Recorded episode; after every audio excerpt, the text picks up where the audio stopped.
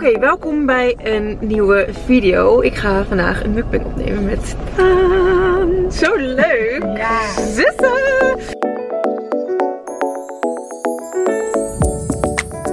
We staan nu in de rij bij de McDrive. En We weten niet wat we eh, willen. Nee. Ik We denk zijn dat nu ik voor de Big Mac. Ja? Big Mac. Niet nog een extraatje erbij. Jawel. Wij hebben het eten. McNuggets. Wat hebben we allemaal? Jij hebt een Big Mac. Oh, dat heb ik al Even zo lang niet shoploggie. Ja. Big Mac. We hebben nuggets. We hebben filet of fish. We hebben cola. We hebben burgers. Friet. Frietsaus. We Oh. hebben eigenlijk helemaal niet zoveel.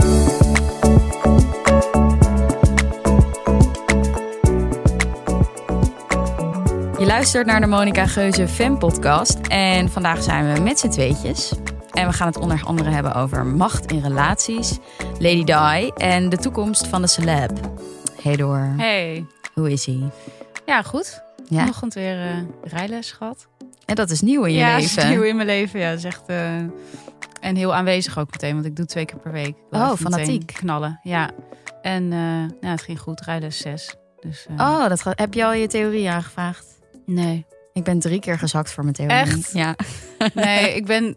Ik, ik zat laatst te denken, ik heb die, die boeken wel besteld, maar zitten nog in plastic. Ah ja. Dus ik rij eigenlijk zonder de regels te weten. Maar dat vind ik ook wel heel erg passend bij mijn, bij mijn karakter eigenlijk. Ja, vind ik ook. Ik denk dat ik zo iemand ben die dan vergeet dat er ook een theorie is uiteindelijk. En dan dat je wel gewoon kan rijden, maar geen idee hebt wat dat bord betekent. Dat heeft denk ik iedereen. ja, misschien ik zou nu hopeloos weer falen voor mijn theorie-examen. Ja. En praktijk?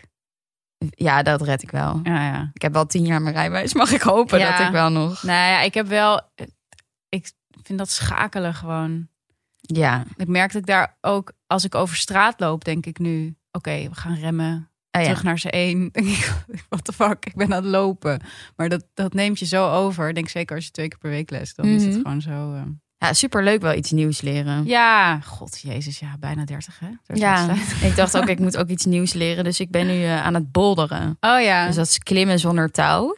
wel heel hip. Nou, het is echt best wel leuk. Want je moet best wel veel souplesse hebben. Wat ik helemaal niet dacht. Maar je moet bijvoorbeeld met je hele lichaam zo langs de wand. Om dan een nieuwe greep te kunnen pakken. Het is best wel puzzelen ook met je hoofd. En heb je, ben zit je wel vast? Nee. Oh, Dus op een gegeven moment had ik ook dat mijn armen gewoon zo verzuurd waren. Dat ik bovenaan was. En dat ik gewoon niks anders kon dan mezelf naar beneden laten vallen. en dan val je gewoon meters naar beneden. Vier meters. Wow, vind ik best wel. diep. Ja, ik vond het ook best wel eng. Ik dacht wel, dit is te hoog. En wat is het verschil tussen gewoon bolderen en een. nou, een klimhal is dus klimmuur? veel hoger. En Ah, dan ben je met een touw. Ja, ja. En bij bolderen gaat het er echt om dat je zeg maar een bepaalde route volgt. Dus in die zin is het een soort puzzel. ja. Je moet gewoon, je moet altijd bij dezelfde steen beginnen. En dan moet je een soort van puzzelen van, oké, hoe kom ik dat naar boven? Oh, Ja, dat is echt leuk. Maar wat dus ook wel grappig was, is dat er staat heel hard muziek aan. wat voor? Ja, een soort eh, trouwmuziek, zeg maar. Dus echt disco. Oh, ik dacht zeg maar om op te trouwen. Nee, nee, oh nee. Een hele andere. ik dacht John Legend, weet je wel? of, eh, De Beatles. ja, of eh, I had the time of my life. Of zo. Nee, maar het is echt een soort. Het is volgens mij gewoon een soort pickle point. Ik, ik werd ook Ja? bekeken alsof ik gewoon een stuk vlees was. Oh, Marleen. Ja, echt. Ik, ik kan het Let's iedereen go. aanraden. Ja, het is wel een beetje een nerdy sport. Dus daar moet je. Maar goed, dat maar is ook mijn leuke team. mensen? Nou, ja, best wel nerdy, maar ik voel me er altijd wel prettig bij. Nerdy klimmers. Nerdy klimmers. Dat ja. is jouw, jouw type eigenlijk. een beetje Ja. wel, denk ik. Ja. Dus uh, nou, de. Monica Geuze fan podcast die blijft zichzelf ook innoveren. Is going places. exact. Ja, en ik was natuurlijk ook wel heel, weer heel erg ge- geïnspireerd door de ineens gelanceerde nieuwe eh vlog van Monica met de mukbangs met Danique. Dus toen dacht ik ook, oké, als ik eenmaal mijn rijbewijs heb, dan gaan wij ook een keer naar de Mac, Ja. naar de drive-thru en dan gaan we ook een mukbang doen. Gaan we allemaal vega dingen bestellen? mensen allemaal eten, joh. Ja. Ik, bedoel, ik ben best wel pro gewoon lekker eten wat je wil. Maar ik kijk daar wel met, met, met toenemende verbazing eigenlijk naar. Ja, gewoon daar meerdere gaat. hamburgers. Ja, Jezus, ja. Ja, maar misschien is dat het enige wat ze eten op een dag dat zo. past. Ja. Toch niet zulke grote En ze gaan het volgens mij ook wekelijks doen. Dus dan moeten ze elke week dat niveau ja, van dat de vind ik, mukbang halen. Ja, dat vind ik wel top. En je moet natuurlijk ook wel echt flink wat eten om zo'n vlog vol te lullen. Ja. Ja, en ik vind het dus op een bepaalde manier ook heel soothing om naar kauwgeluiden te luisteren dan van haar. ja, terwijl ik het vaak niet heel fijn vind om mensen te zien of horen Mhm. eten. Maar In die context Wel. wel. Ja, dat heb ik ook. laatst hadden ze ook niet met die taco's. En die heb ik nog niet gezien. Oh ja, dat was er één groot kraakfeest. maar wel top. dus eh, dat is een... ehm, Ja, dus dat inspireerde ons Stip ook om, eh, om dat ook te gaan doen. En als het nog even duurt met je rijbewijs, dan kan je altijd bij mij in de auto. ja, nee, maar dat is een leuke... Gewoon 2021 wordt gewoon Ja, het jaar van de mukbang. van de mukbang en de drive-thru. Voor Oké, nou we hebben best wel eh, een zwaar thema waar we mee beginnen. Ja. Dus het is even schakelen. Ja, Ehm, maar door... Nou ja, kijk, ik had er al eerder wel eens. Het is, op, het is enerzijds zwaar, anderzijds niet zwaar. En ik had er eerder al over gepraat, over dat boek van Mhm. Katie Royvie, wat ik, eh, wat ik aan het lezen was en nu uit heb. Echt een ongelooflijk. Wie is Katie Roy? Ja, zij is een schrijfster. Zij is, wordt in Amerika best wel, zeg maar, geliefd en verguisd. Mm. Dus heel feministisch, maar ook heel. ehm, ja, ze kan ook soms heel erg uithalen naar vrouwen. Het is een echt een, eh, een, een, een spraakmakend iemand. En dus heel, ze wordt gezien als echt zo'n powerwijf, zeg maar. En zij heeft nu dus een boek geschreven, de Power Notebooks. En dat gaat eigenlijk om, ehm, ja, dat, eh, om haarzelf, maar ook om andere vrouwen. Dat, dat het volgens haar vaak zo is. Dat vrouwen dan bijvoorbeeld in hun werk heel krachtig Mhm. en sterk zijn. Maar dan in relaties eigenlijk helemaal niet. Mhm. Of dat dat in elk geval bij haar het geval is. En zij begint eigenlijk dat boek met de opmerking ehm, dat het haar opvalt dat we het idee van vrouwen met macht heel aangenaam vinden, maar eigenlijk vrouwen met macht zelf niet. ja. Want dan gaan we die ineens enorm bekritiseren en wordt het allemaal heel ingewikkeld. En ja, dat, dat vond ik een heel interessante these eigenlijk. Mhm. En, en, ik heb, en ik kon het niet heel goed bepleiten waarom, maar ik dacht meteen wel, ja, volgens mij is dat wel waar. Mhm. Dat toch als een vrouw eenmaal Ja. aan de macht is. ja, vinden of, we allemaal oncomfortabel. ja, of als je inderdaad zo'n gezin hebt waarin dan de vrouw eh, echt, weet je wel, fulltime plus werkt en de man dan niet, dat daar dan toch Ja, ongemakkelijk over wordt gedaan. ja, dat kan ermee te maken hebben dat het natuurlijk een overgangsfase is. Dat we eraan moeten wennen. Ja, zou kunnen. nou ja, Ehm, ik weet niet, maar goed, zij beschrijft dus dat zij eigenlijk, eh, nou ja, naar, naar buiten toe en in haar werk is zij heel uitgesproken en heel, nou ja, krachtig.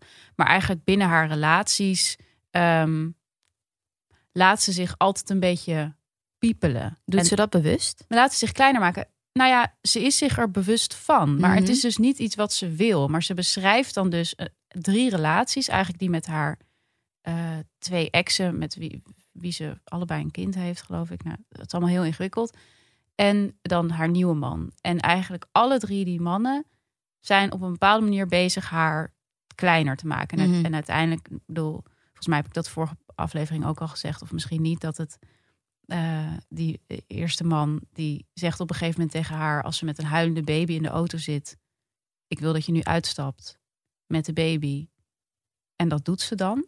Wow, En dan loopt ze naar huis. wow. En eigenlijk het hele boek gaat volgens ook een beetje over van waarom Waarom doe ik dat? doe ik dit? Ja, En dat komt eigenlijk, die ja, verhaallijn komt eigenlijk steeds in andere vormen terug. Dus ook bijvoorbeeld met haar nieuwe vriend, die gewoon een drugsverslaafde is, maar dat wil ze eerst niet zien. Dan maakt ze het steeds mooier. En zegt ze tegen, weet je wel, oh, hij heeft het even zwaar. Of weet je, het wordt altijd een soort dekentje overheen gelegd om het maar niet toe te geven van ik word gewoon weer gebruikt door Ja. iemand. Eigenlijk is dat wat er aan de hand is. En ik vond dat, met name dat ehm, heel interessant. Want, want ze beschrijft heel goed dat macht ook een heel semantisch iets is. Dus dat macht heel erg draait om hoe je dingen benoemt voor jezelf en voor de Mhm. ander. Wie, weet je, wie heeft de macht? Wie, wie domineert? En ze beschrijft dat er heel veel vrouwen zijn volgens haar, en dat, dat geloof ik ook wel, die eigenlijk met onmogelijke mannen leven. Of mannen die alleen maar hun eigen ding willen doen. Maar dat zij het soort van omdraaien voor zichzelf en dan zeggen: Ik ben de enige die jou echt goed begrijpt. Ik weet wat jij wil. ja. En ik ga dat spelletje meespelen. Mhm. Dus ik, eigenlijk sta ik nog boven jouw verlangens. Want ik weet al voor Mhm. dat jij gaat oh, dit zeggen. is zo herkenbaar Ja. wel. Ja. Dat vond ik ook echt pijnlijk Ja. herkenbaar, eerlijk gezegd. Dat je, dat je jezelf wijs maakt van... nee, maar ik ben helemaal in charge in deze situatie. Want, Maar aan de andere kant, ik herken, dat is niet alleen iets wat ik mezelf wijs maakte, maar ik, ik was ook altijd een paar stappen voor. ik denk sowieso dat je als vrouw heel vaak een Ja. ja. stap voor bent. Maar het is natuurlijk ingewikkeld op het moment dat je eigenlijk iets gaat doen wat je in essentie niet wil doen. Hmm. Maar omdat je doorhebt dat je man zo werkt en het daarom doet, ga je het naar jezelf verkopen als ik ben top dolk in deze situatie. Hmm. En dat, en dat vond ik wel een heel interessant en ook wel echt ja, confronterend iets wat zij heel goed opschrijft. En ze schrijft dan op in die notebooks ehm, hoe ze dat zelf ook steeds doet. En zelfs in het boek zelf schrijft ze bijvoorbeeld... ehm, zelfs in deze notebooks heb ik het verhaal al herschreven. Van mijn eigen hart, dat als een angstig diertje bonste, maakte ik, en dan gaat ze dus zichzelf citeren, onverschillig zijn. Uiterlijk onverschillig is op zich een vorm van machtsuitoefening. Onkreukbaar, kalm of zelfs verstard kalm is een wapen op zich. Dus heeft ze zichzelf Ja. herschreven. En dat, dat vond ik zo interessant, dat je dan dus eigenlijk niet wil toegeven hoe de situatie is en daarmee de macht op een bepaalde manier bij jezelf houdt. Ja, En dan gaat ze verder. Het is niet dat dit verkeerd of onwaar is, maar wat ik probeer te vermijden en waar ik omheen schrijf, waar ik omheen draai, is mijn eigen angst. Mishandeling komt gewoon als onmogelijk op me over. Niet omdat het over hem zegt, maar omdat het over mij zegt. Hmm. Eigenlijk pas op het moment dat je aan jezelf toegeeft dat je nou, mishandeld wordt, Mhm. op welke manier dan ook, is het een feit. ja dan pas het- wordt het realiteit. En word ja. je zogezegd zwak. een slachtoffer. Ja. ja. Maar ik denk, wanneer ben je dan zwak? Als je zeg maar een soort zelfgeconstrueerde macht in stand probeert te houden door een soort heel verhaal om een situatie heen te. Ja, dan, dan geef je hem denk ik echt macht. Toch? Want dan manipuleert hij je Ja. zo dat je jezelf voor de gek houdt. Ik vind het juist sterk om toe te durven Ja. geven. Ik word je zet jezelf buiten de relatie eigenlijk. Ja. En pas op. Ik vind dat veel sterker dan iets in stand houden wat eigenlijk voor jou heel Ja, kloten is. ja, Nou ja, ja. prachtig boek. Ja, en ik, ik was ook weer even eh, helemaal in het, in het thema macht of zo door je geïnspireerd. Want wat is macht eigenlijk? Best wel lastig. goeie vraag. Ja. En ik las, eh, ik lees nu de biografie over Hannah Arendt. Altijd leuk, biografie Ja. over filosofen. Jij bent echt into biografieën Ja. van vrouw van Vrouwelijke filosofen. Vrouwelijke vind ik- denkers, ja, ja. vind ik heel leuk, ja. En Hannah Arendt die, die heeft natuurlijk ook een heel turbulent leven gehad. Want die heeft twee wereldoorlogen meegemaakt. En ze had een relatie met Martin Heidegger. Dit had Heidegger. Nou, nou. Ja, en ze moest vluchten uit. Duitsland. Nou, is allemaal hartstikke duty. Maar zij zei, en dat vond ik wel boeiend. Ik heb er ook lang over nagedacht. Dat macht de tegenstelling is van geweld. En ze zegt, waar macht ontbreekt, regeert geweld. Want je moet, je moet geweld gebruiken als je niet in de macht bent. Anders heb je het niet Ja. nodig als middel. En ze, ze haalt dan ook de definitie aan van Voltaire van macht. En dat is macht betekent anderen te laten handelen naar mijn goeddunken. En dat is precies wat je ook ziet in de macht in zo'n relatie. Ja. Dat is een man ervoor kan zorgen dat jij misbruik ziet als Iets wat je wil. Ja, Ja. dat is echt macht. Ehm, ja, dat is heel goed geformuleerd. Want Ja. dan, je ziet dan dus, als je het zo omdraait, dat het gewoon... Die man heeft, heeft toch de macht. ja. En het moment dat hij geweld bruik- gebruikt, voelt hij dat hij even geen macht heeft. Want anders hoeft hij dit niet te gebruiken, Ja, denk ik. ja. Ehm, dus het is eigenlijk de ultieme vorm van macht. Ja. Iemand op die manier aan je binden. En Ja. iemand het gevoel geven dat je... Ja, dat hij, dat hij of zij je nodig heeft. Ja, het is echt... eh, ja, super interessant. Ik ga het boek ook ja, lezen. echt lezen. En het, het, het- ik vond het, want ik las het eigenlijk tegelijk met dat hele schandaal over Mm. Juliaan Anderweg. Wat nu is, nou, nu twee weken geleden of zo, maar Ja, een tijd geleden. een tijdje geleden voor als deze podcast online komt. En daar vond ik dat dus ook zo interessant en ook herkenbaar dat Even terug, wat, wat is de... ja, goeie. Ja. Nou, de, Juliaan Anderweg was een student op de KBK, Kunstacademie in Den Haag. Een soort wonderboy, weet je wel. Heel eh pragma of eh, charismatisch. Mm. Heel eh, inspi- inspirerend en maakte interessant werk. En was gewoon een allround fantastische gast, zeg maar. Gebruikte heel veel drugs, heel veel feesten, la la la. Gewoon zo'n soort rockster, zeg maar. Ja. En ehm, nou, ging ook van de KWK af. Werd gewoon best wel succesvol kunstenaar. Maar along the way heeft hij gewoon heel veel meisjes... en ook wel jongens, maar vooral meisjes... echt ja, misbruikt, verkracht. Ehm, maar op een hele ehm, onderhuidse manier, Ja, vond ik hoe het, hoe het beschreven werd. Dus hij, hij, hij ging echt op mensen af en ging ze dan juist heel erg complimenteren met Mhm. hun werk. Weet je wel, jongere studenten Mhm. op die KBK. En nou, dan voor ze het wisten stonden ze ineens met hem, weet je wel, op een feestje. En was het ook allemaal super leuk. En dan gingen ze drugs gebruiken en ook leuk. En dan hadden ze ineens verkering en het ging allemaal heel snel. En dan opeens werden ze gewoon stelselmatig geslagen of eh, nou ook, ook echt verkracht. En het, het allerpijnlijkste aan het hele verhaal vond ik dat die vrouwen zo lang hebben gezwegen. Mm.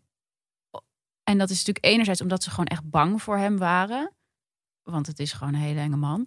Maar ook omdat ze ergens dachten, ja, ik, ben ik ben mede verantwoordelijk hieraan. Dit is Mm. ook mijn schuld en ik wilde dit. En dat vind ik dus perfect zo'n voorbeeld van wat zo'n Katie Royvie ook bedoelt. Van, die komt in een situatie die is niet voor jou, om het zacht te zeggen, niet optimaal. Mm. Maar omdat je toch ergens het gevoel hebt van ik moet dit naar mijn hand zetten, ik moet dit willen. ehm, hoe ga ik dit eh, ja, regelen, zoiets.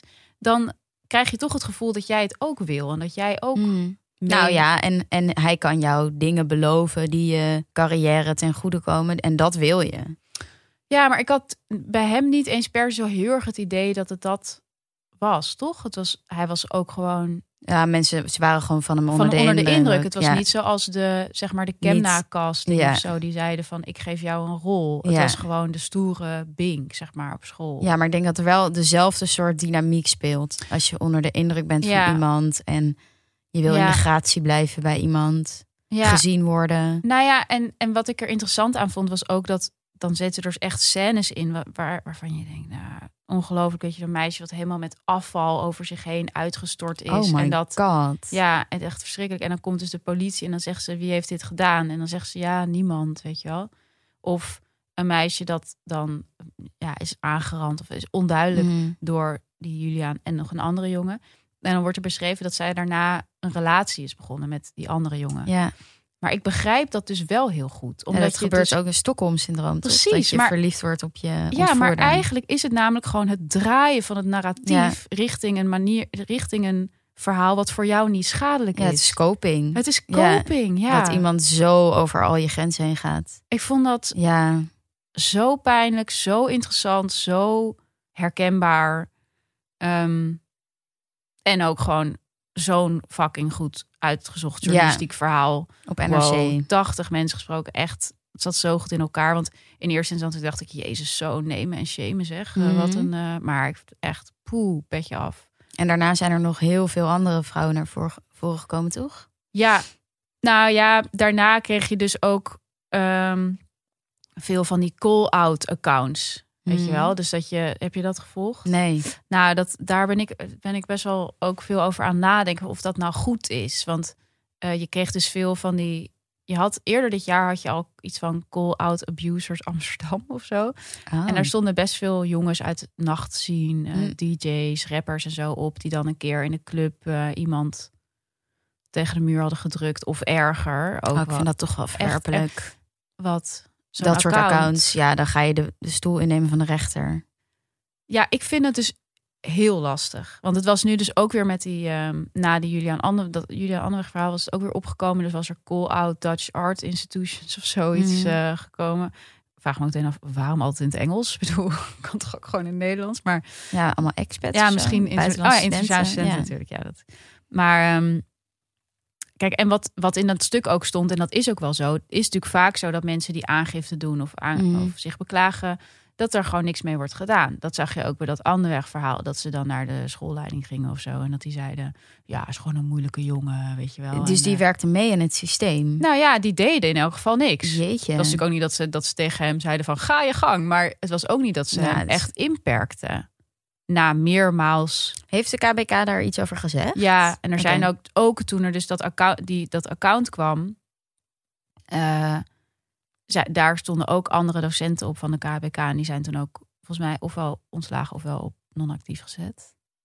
Dus het, het, er gebeurt wel iets. Maar ik vind met die call-out accounts, ik heb hetzelfde eigenlijk als jij, denk ik, dat ik denk, ja, is dit nou de goede manier? Weet je wel, want door mensen echt zo met naam en toenaam te gaan beschuldigen, iedereen kan gewoon op zo'n account iets sturen. Ja, het is gewoon niet bewezen. Nee, het soort wilde westen wordt het dan, ja, weet je wel. Mensen doen En- dat ook met pedofielen. Ja, pe- het soort Ja, pedojagen, ja. maar dan dus op Instagram.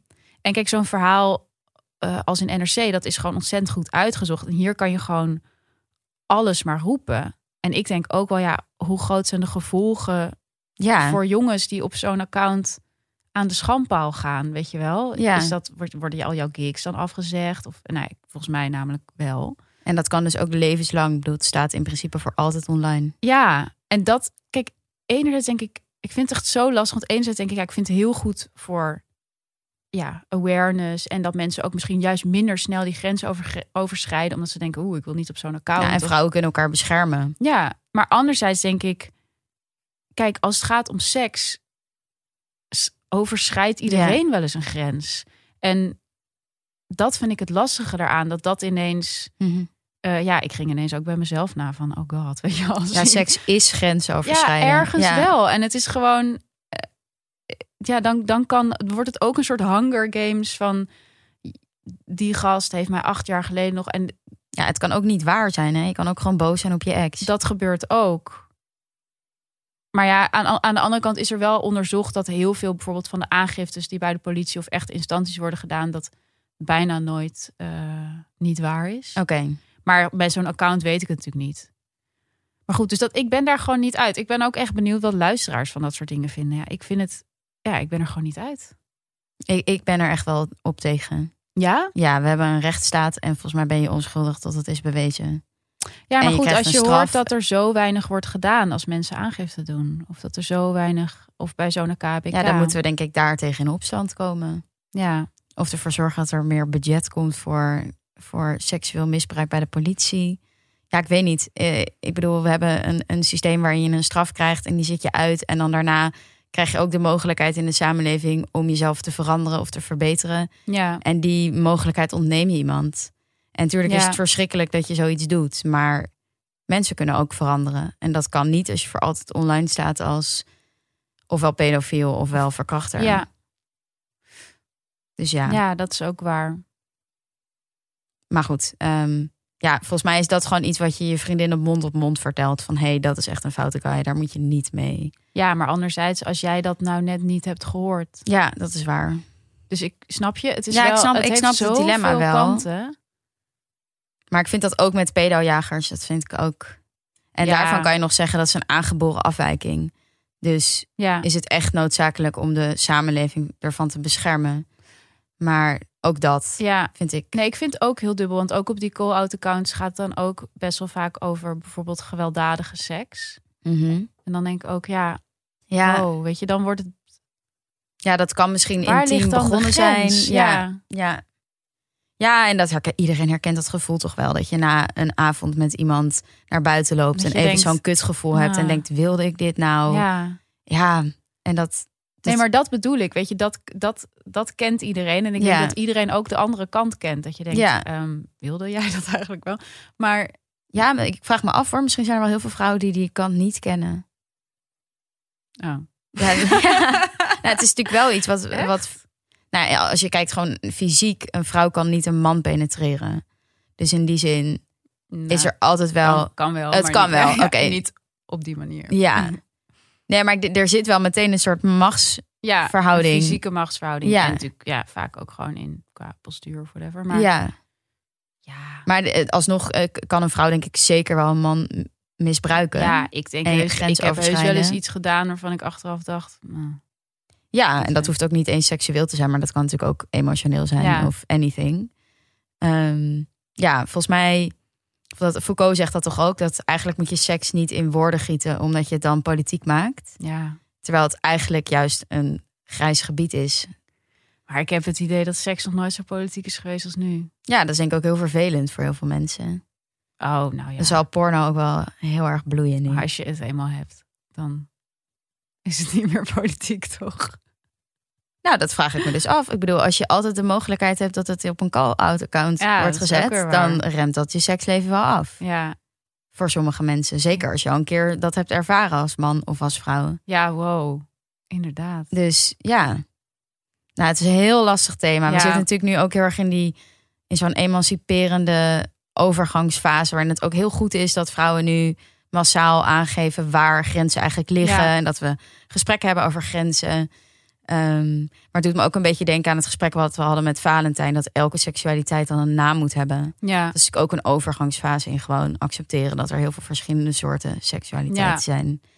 ja, en dat alles kan, maar dat je tegelijkertijd ook met alles rekening moet houden. Ja, Goed bruggetje naar het documentaire waar wij allebei eh, erg van hebben genoten. nou Toch? echt, mijn mond viel open. Ja, anderhalf uur lang zeg. Poh. Wat een, wat een vermaak ook, hè, toch? Ongelooflijk. Ja. Ik vond het echt mindblowing. Wat moet die documentairemaker blij geweest zijn? Nou, ja, nu. Maar eerst was het natuurlijk... eh, Ja, het proces zou wel de hel geweest zijn, maar, Maar- het resultaat is wel. Ja, we hebben het over de documentaire over Ruud Wijsman. Ja, Heet Ruud, Ruud Wijsman het hoofdpersonage of het personage? Of zo? dat weet ik niet. Nou ja, een ontzettend interessante film over dus een, een hele bekende regisseur die Ja, eh, verwikkeld is geraakt in een MeToo-schandaal. ja. Of meerdere. Eh, die man heeft eh, ontzettend veel op zijn kerfstok volgens mij. Maar eigenlijk ja, gaat de filmmaker hem... Ze laat hem een toneelstuk regisseren met een actrice. Maar eigenlijk is hij het hoofdpersonage van de ja. film. Dus ze gaat dat hele proces filmen. En ik vond het zo interessant om te zien hoe de dynamiek tussen die filmmaker Ja. en hem precies het probleem laat zien, toch? Ja. ja, het was ongelooflijk. Ja. Maar ik vond niet alleen het probleem laten zien, maar ook de, ehm, hoe zeg je dat? De dubieusheid van grensoverschrijdend gedrag. ja, Want je ziet ook dat hij een geweldig regisseur is en zo gepassioneerd en altijd een stapje erbovenop gaat en helemaal voelt hoe een lichaam op een theater, op een toneel moet staan. Ja. Hij, hij kan het zo goed. het is echt een vakman. Echt ongelooflijk. Maar ik vond het wel, ik, ik, vond wel echt zijn doen en laten ja, als heel klein stuitend. Maar ook dat hij dan, hij legt haar ook steeds uit hoe ze een film moet Ja. maken, weet je wel. Dan stelt hij haar een vraag en dan gaat hij ook meteen zeggen, ja, dan moet je dit antwoord Ja. geven. Dan denk je, heb je door dat, het, dat dit wordt gefilmd? Ja, En op het moment dat hij dan niet krijgt wat hij wil, dus als ze Mhm. bijvoorbeeld niet, met, niet werkt met die tekst, dan, dan loopt hij gewoon weg. Gewoon Ja, echt als een klein, kind. Ja. Ja, echt ongelooflijk. Ja, ja, ik vond het echt. Hij zegt ook op een gegeven moment over zichzelf. Ik heb het talent om zonder dat je het door hebt dingen naar mijn hand te zetten. Toen dacht ik, hmm, herkenbaar. Ja, precies waar we het net ook over hadden, toch? Ja, en dan zegt hij ook, ehm, als ik bijvoorbeeld geen zin heb om chili con carne te eten met slechte wijn, nou dan zorg ik er gewoon voor dat we dat niet gaan doen. ja. En je ziet hem dat de hele tijd doen. denken. Ja. Echt. Maar ik vond dat dus ook herkenbaar. Want ik kan wel ook, ik kan zelf ook zo zijn dat Mhm. ik denk, ik heb echt geen zin in dat jullie nu de situatie gaan bepalen. Dus ik ga even zorgen dat, Ja, weet je, dit zo die klassieker eh, die je hebt als je dingen moet pitchen of eh, weet je, zoals ik dan vaak in een creatief proces met mensen of zo, dat je dan ieder mensen het gevoel moet geven dat jouw idee hun idee is. ja, ja, ja. Oh, dit herken ik heel Ja. veel. We zouden zulke goede lobbyisten zijn Ja, ook. Ja, Dat ga ik Mhm. gewoon het einde van mijn carrière, gewoon Ja. de laatste tien jaar ga ik gewoon cashen. Voor de tabaksindustrie. Ja. Nee, dat niet. Zo erg ben ik ook er. Nee, ik vond het echt zo'n interessant, echt een portret van iemand die nog nooit in zijn leven is tegengesproken. Ja. En daarmee ook echt een soort van de personificatie is van de white privileged male. Ik voelde ook veel empathie voor hem. Ja? Ja, ik begreep hem ook heel veel. Wanneer echt? Nou, hij zegt bijvoorbeeld ook op een gegeven moment van... Ik voelde me nooit een directeur op een trap. Ik voelde me een elfjarig jongetje op een trap met een mooi meisje dat naar me keek. Ja, en dan haalde hij nog even de Tweede Wereldoorlog erbij en was allemaal goed. Ik vond dat zo typisch. Oh ja, nee. Ik vond het echt slachtoffer. Echt slachtoffer. Ja, dat, dat was hij ook wel. Maar ik dacht ook wel van ja, vanuit zijn perspectief... ehm, dat is altijd wel een goede metafoor van hoe een hiërarchie werkt. Als je bovenaan de hiërarchie staat, bovenaan op de piramide... dan lijkt de piramide plat als je naar beneden kijkt. Dus als je boven... Je ziet hiërarchie niet als je zelf bovenaan staat. En dat vond ik op zich dat hij dat wel goed illustreerde. Ja, ik had dus wel empathie voor hem. Ik denk Ik gewoon dat- het gewoon niet ook. Nee, dit was ontzettend een manier voor hem om zijn straatjes schoon te vegen. Ja, en en het was Toch? een soort boete doen. Ja. En, maar dat vond ik ook wel weer heel zielig of zo. Nou, ik vind het zielig als iemand, ehm, zeg maar, ik vind het sneu als iemand van zijn machtspositie gebruik gaat maken om vrouwen in bed te krijgen. Ja, maar daar was hij zich denk ik echt niet bewust van. Nou, geloof je? Ik geloof dat niet. Ik geloof dat echt niet. Als jij merkt dat jaar na jaar, oh, weer het allerknapste meisje dat mij interessant vindt. Goh, wat boeiend. Dan heb je dat toch door. Je weet toch hoe je weet toch hoe een school. Tuurlijk, je kan boven een piramide, dus lijkt die piramide plat, maar je weet toch hoe een school werkt. Je weet toch dat dat leerlingen zijn en jij de baas. Ja, ja ik, ik kan me dus wel voorstellen dat hij dat nooit aan zichzelf durfde toe te geven. Want dan geeft hij eigenlijk aan zichzelf toe dat hij een dikke, lelijke oude pad is waar niemand meer naar bed wil. ja, dat is hij nu. Dus- maar toen was hij toch nog best hot. Ja, ja ik, ik denk dat, dat dat dan de illusie is die hij voor zichzelf in stand Ja, houdt. dacht, Wat natuurlijk helemaal leuk. niet goed gepraat hoeft te worden. Ik bedoel, dat ik empathie voor hem heb, betekent niet dat ik eh, het goedkeur wat ik doe. Maar ik begreep wel enigszins waar die van. Ik, kon, ik, ik kreeg Ja. wel een inkijkje in hoe het voor hem geweest Nou was. ja, en ik begrijp ook wel als, als mensen zoals hij dan zeggen van ja, het was een hele andere tijd. Weet je wel, dat je dan kon dat meer. Of was dat meer, ja. iedereen deed dat. Weet je, dan denk ik ja, oké, dan snap ik dat je daar misschien... Nou, het was nog nooit benoemd. Dus hij wist denk ik gewoon niet dat het voor iemand anders echt, Echt. heel anders ervaren ja, wordt. en echt traumatisch. Kan Ja. ja, dat is. zo. Maar ik vond ook heel, wat ik er ook heel mooi aan was, vond aan de film, was dat eh, de maakster en ook de actrice die heel veel in de film zit, echt heel erg hun kwetsbaarheid en machteloosheid ook tegenover Ja, hem durfde te laten zien. Ze gingen niet stoer doen tegen hem van, nou Ruud, eh, weet je, ze gingen niet als de spreekbuis van MeToo of zij gingen echt daarin als vrouwen die ja ook maar probeerden om met hem te werken en ook tegen hem zeiden van, nou ik ben gewoon best wel bang voor je en zo. Mhm. Dat vond ik best sterk. ja, ze gaven hem echt een spiegel. Ja, In plaats van dat ze boos op hem werden. Of zeiden, zie je, nu doe je het. ja, precies.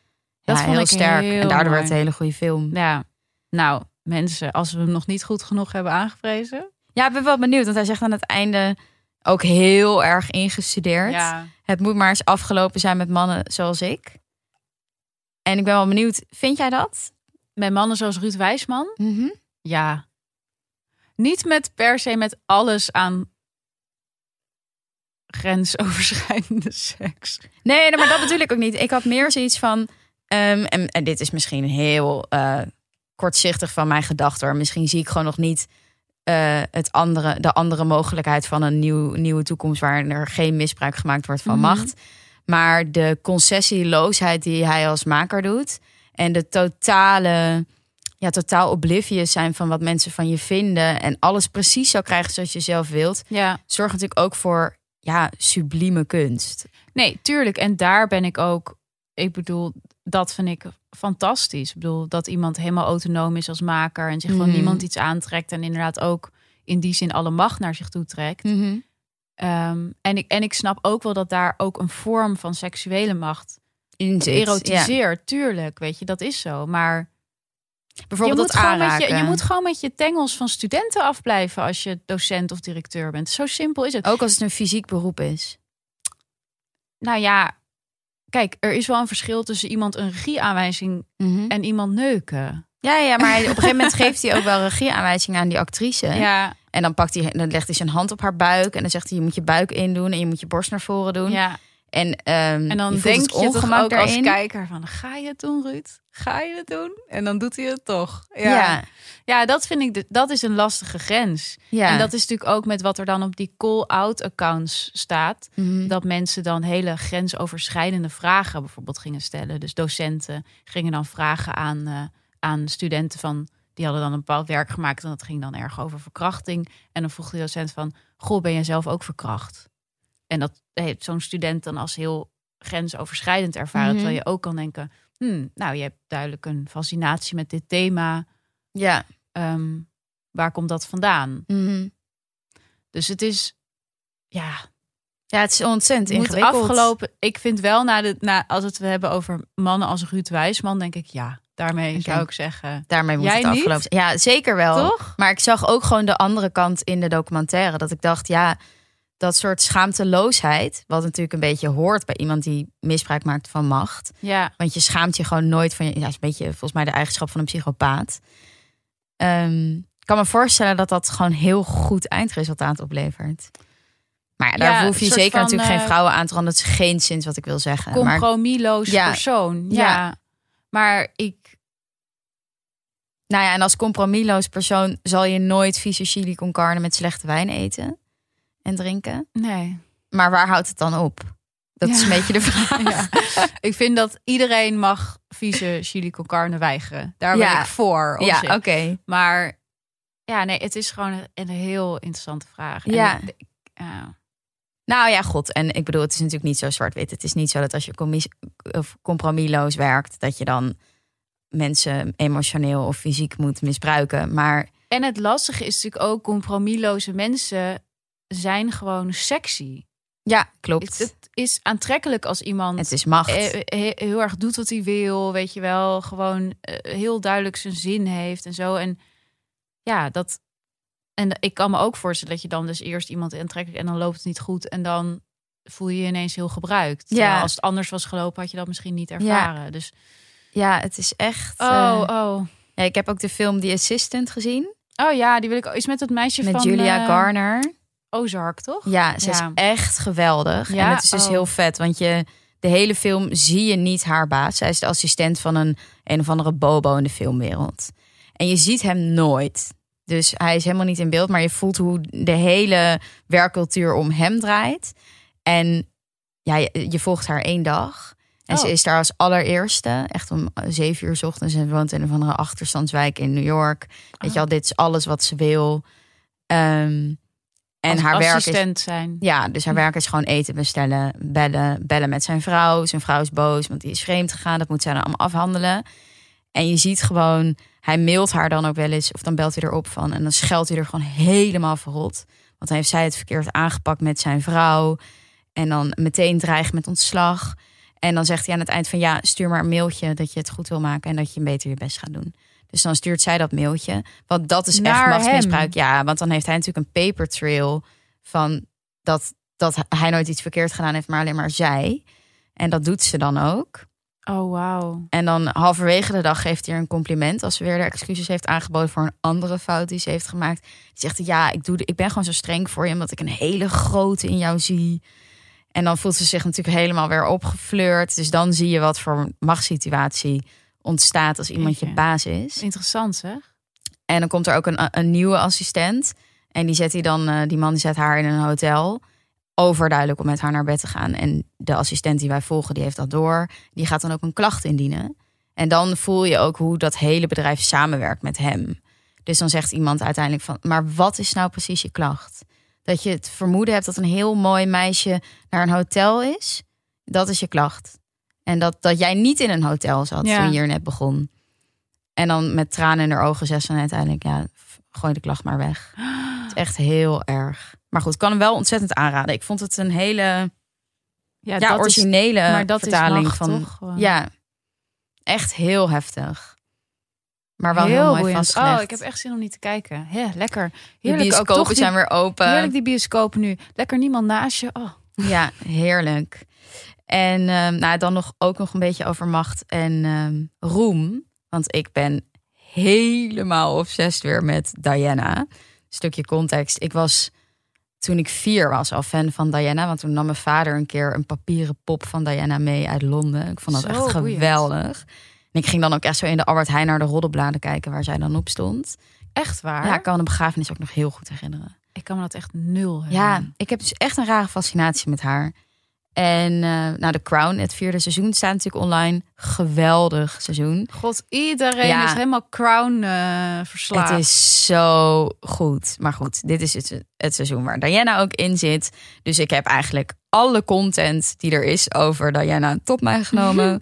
dus de documentaire In Her Own Words, de House of Windsor documentaire. Er is een hele leuke podcastserie, You're Wrong About. Dat zijn twee journalisten die een soort van mythes uit de geschiedenis ontkrachten. En die hebben vijf afleveringen over Diana gemaakt. Ja. Het is echt een leuke podcast, Ja? een soort roddelpodcast. Oh, van twee slimme mensen die gewoon aan elkaar vertellen. Nou, en toen deed Diana dus dit en toen dit. Wow, doet me denken aan een andere, Andere podcast.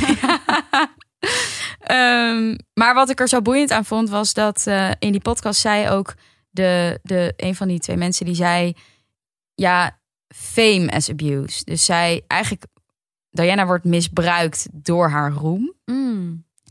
Maar aan de andere kant is de enige vorm van macht die Diana heeft in de relatie met Charles, die wat eigenlijk gewoon, ze is gewoon uitgehuwelijkt aan Charles. Ja. Iedereen weet dat, behalve zij, want ze is 19 en naïef en verliefd. En het enige machtsmiddel wat ze op een gegeven moment heeft, is de media. Ja.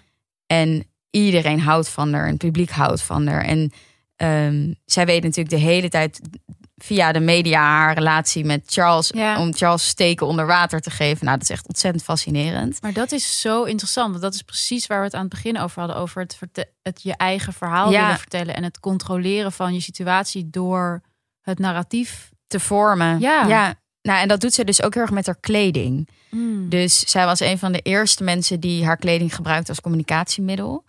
Ehm, en ze heeft bijvoorbeeld een, een legendarische zwarte jurk, de Revenge Dress. Dan is net uitgelekt eh, een gesprek tussen Camilla, dat is de, nou, de eigenlijke liefde van Charles, eh, en Charles. En ze weet dan gewoon, want het is echt ongelooflijk hoe, hoe ze die mediadynamiek door heeft. En ze weet gewoon, als ik deze jurk aandoe, dan kom ik met deze foto naast Charles te staan en dan ben ik de winnaar in het verhaal. Ja, ja. Ehm, dat Wat is is echt. dat voor jurk dan?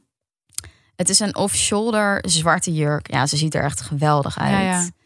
Ehm, ja, ik vond het echt. Het is zo interessant.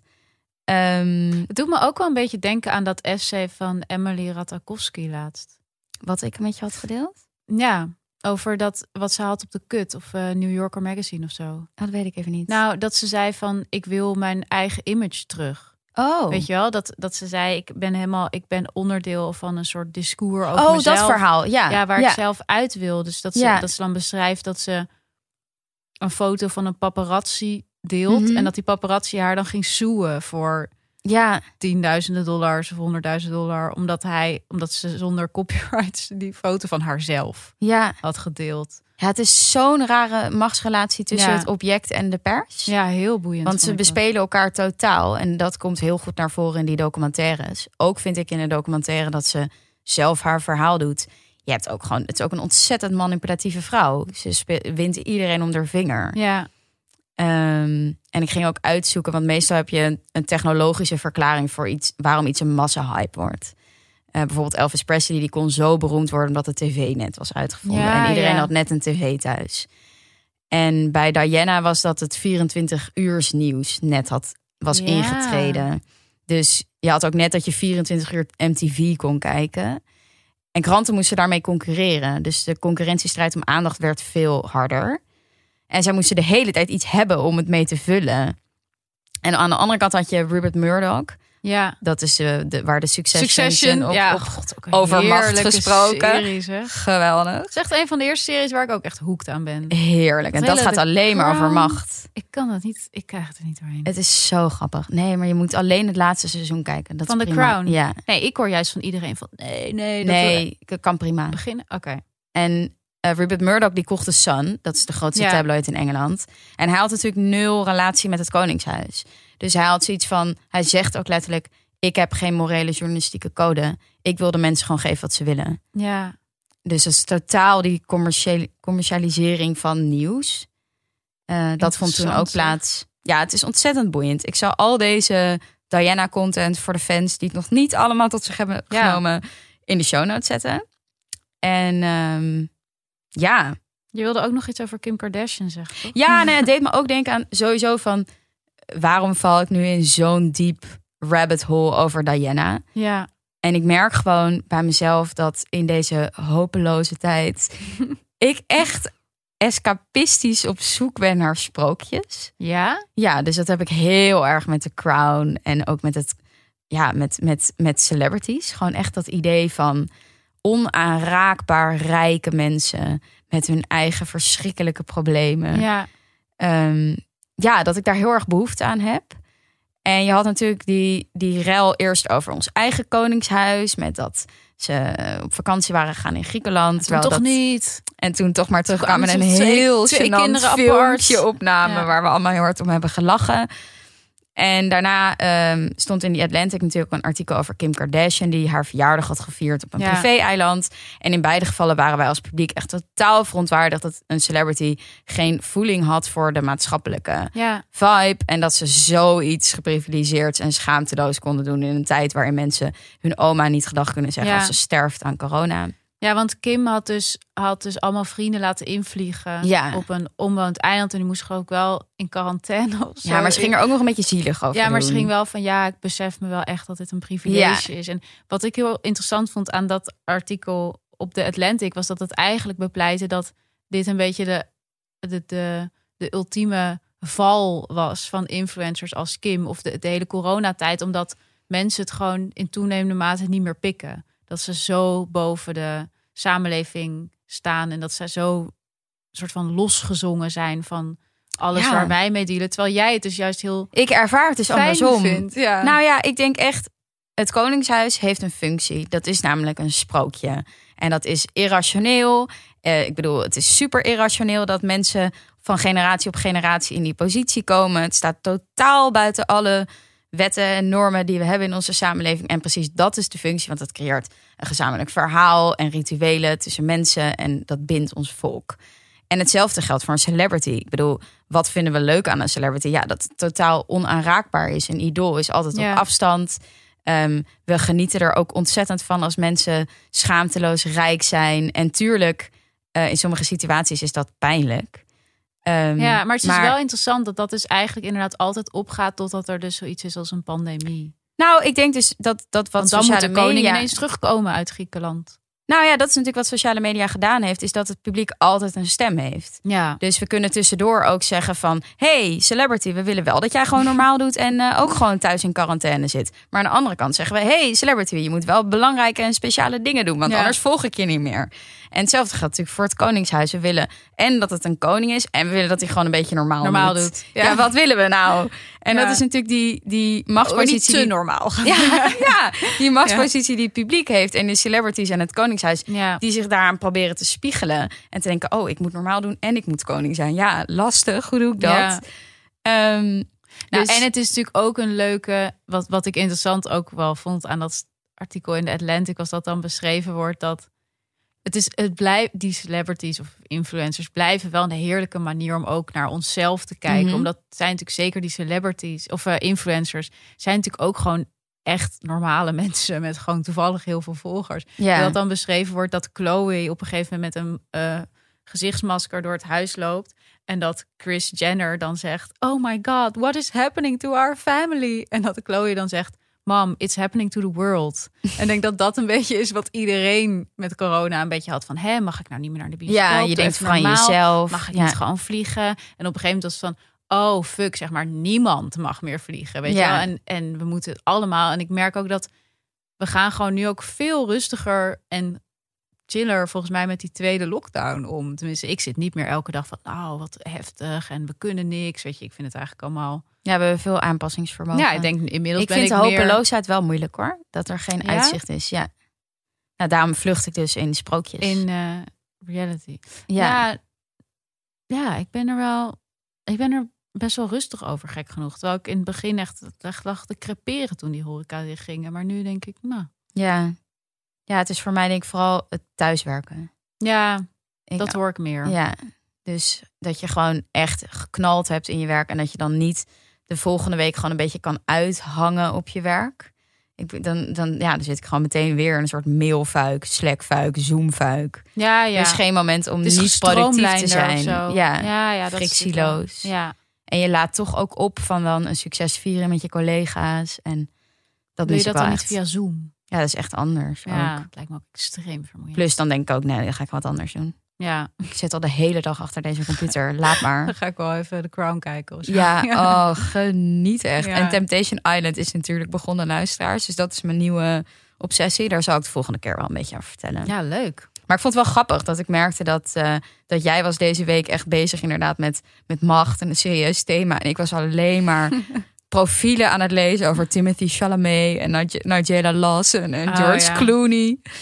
Heb je die foto gezien van Brad Pitt met dat mondkapje en die sigaret? Oh my god. Op zo'n set of zo. ja, ja. vond- nou, da- daar geniet ik dus enorm Maar van. nu. is ook alweer 55 of zo. Ja, niet normaal goed. Ik Ja. vond het ook echt geweldig dat hij rookte. Ik Ja. dacht echt, heer, heer, good for you. Nou, niet dat de Monica Geuze podcast. eh Nou, ik hoorde Monica laatst ook in haar, podcast, in haar vlog zeggen... zullen we nog even peuken doen voordat we naar bed gaan? Toen dacht ik, wow, dit heb je er niet uitgeëdit.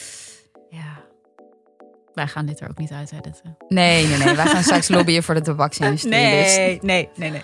Nee, nee ik ben eh, te druk met mezelf, denk ik, om me te Ah, oké. verdiepen in eh, celebrities. Dat, eh, Heerlijk. ja, dat eh, krijg je als je ZZP'er bent, denk ik. Komt Ja. automatisch bij. Nee, te druk met dat en te druk met rijles. Natuurlijk. Precies. Dat is ook heel moeilijk. Oké, lieve luisteraars, dat was hem voor deze week. Ja, blijf luisteren. Blijf abonneren. Ja, en word vriend van de show. Word vriend dat van de show. bijna om te zeggen. Maar je kan naar www.vriendvandeshow slash de Monica Geuze Fan Podcast. En daar kan je een beetje geld doneren als je wil. En dan kan je ook voice memos aan ons achterlaten. En die kunnen we dan bijvoorbeeld een keer laten horen in een aflevering. Dat is natuurlijk wel echt super leuk. Ja, als ze heel leuk zijn, doen we dat. Ja, Als ze echt een beetje leuk en creatief zijn, doen we dat. ja maar we, we hebben niet zo'n hoge maat. Dus dan voor lieve luisteraars. Het is niet Laat er gewoon zoveel binnenkomen.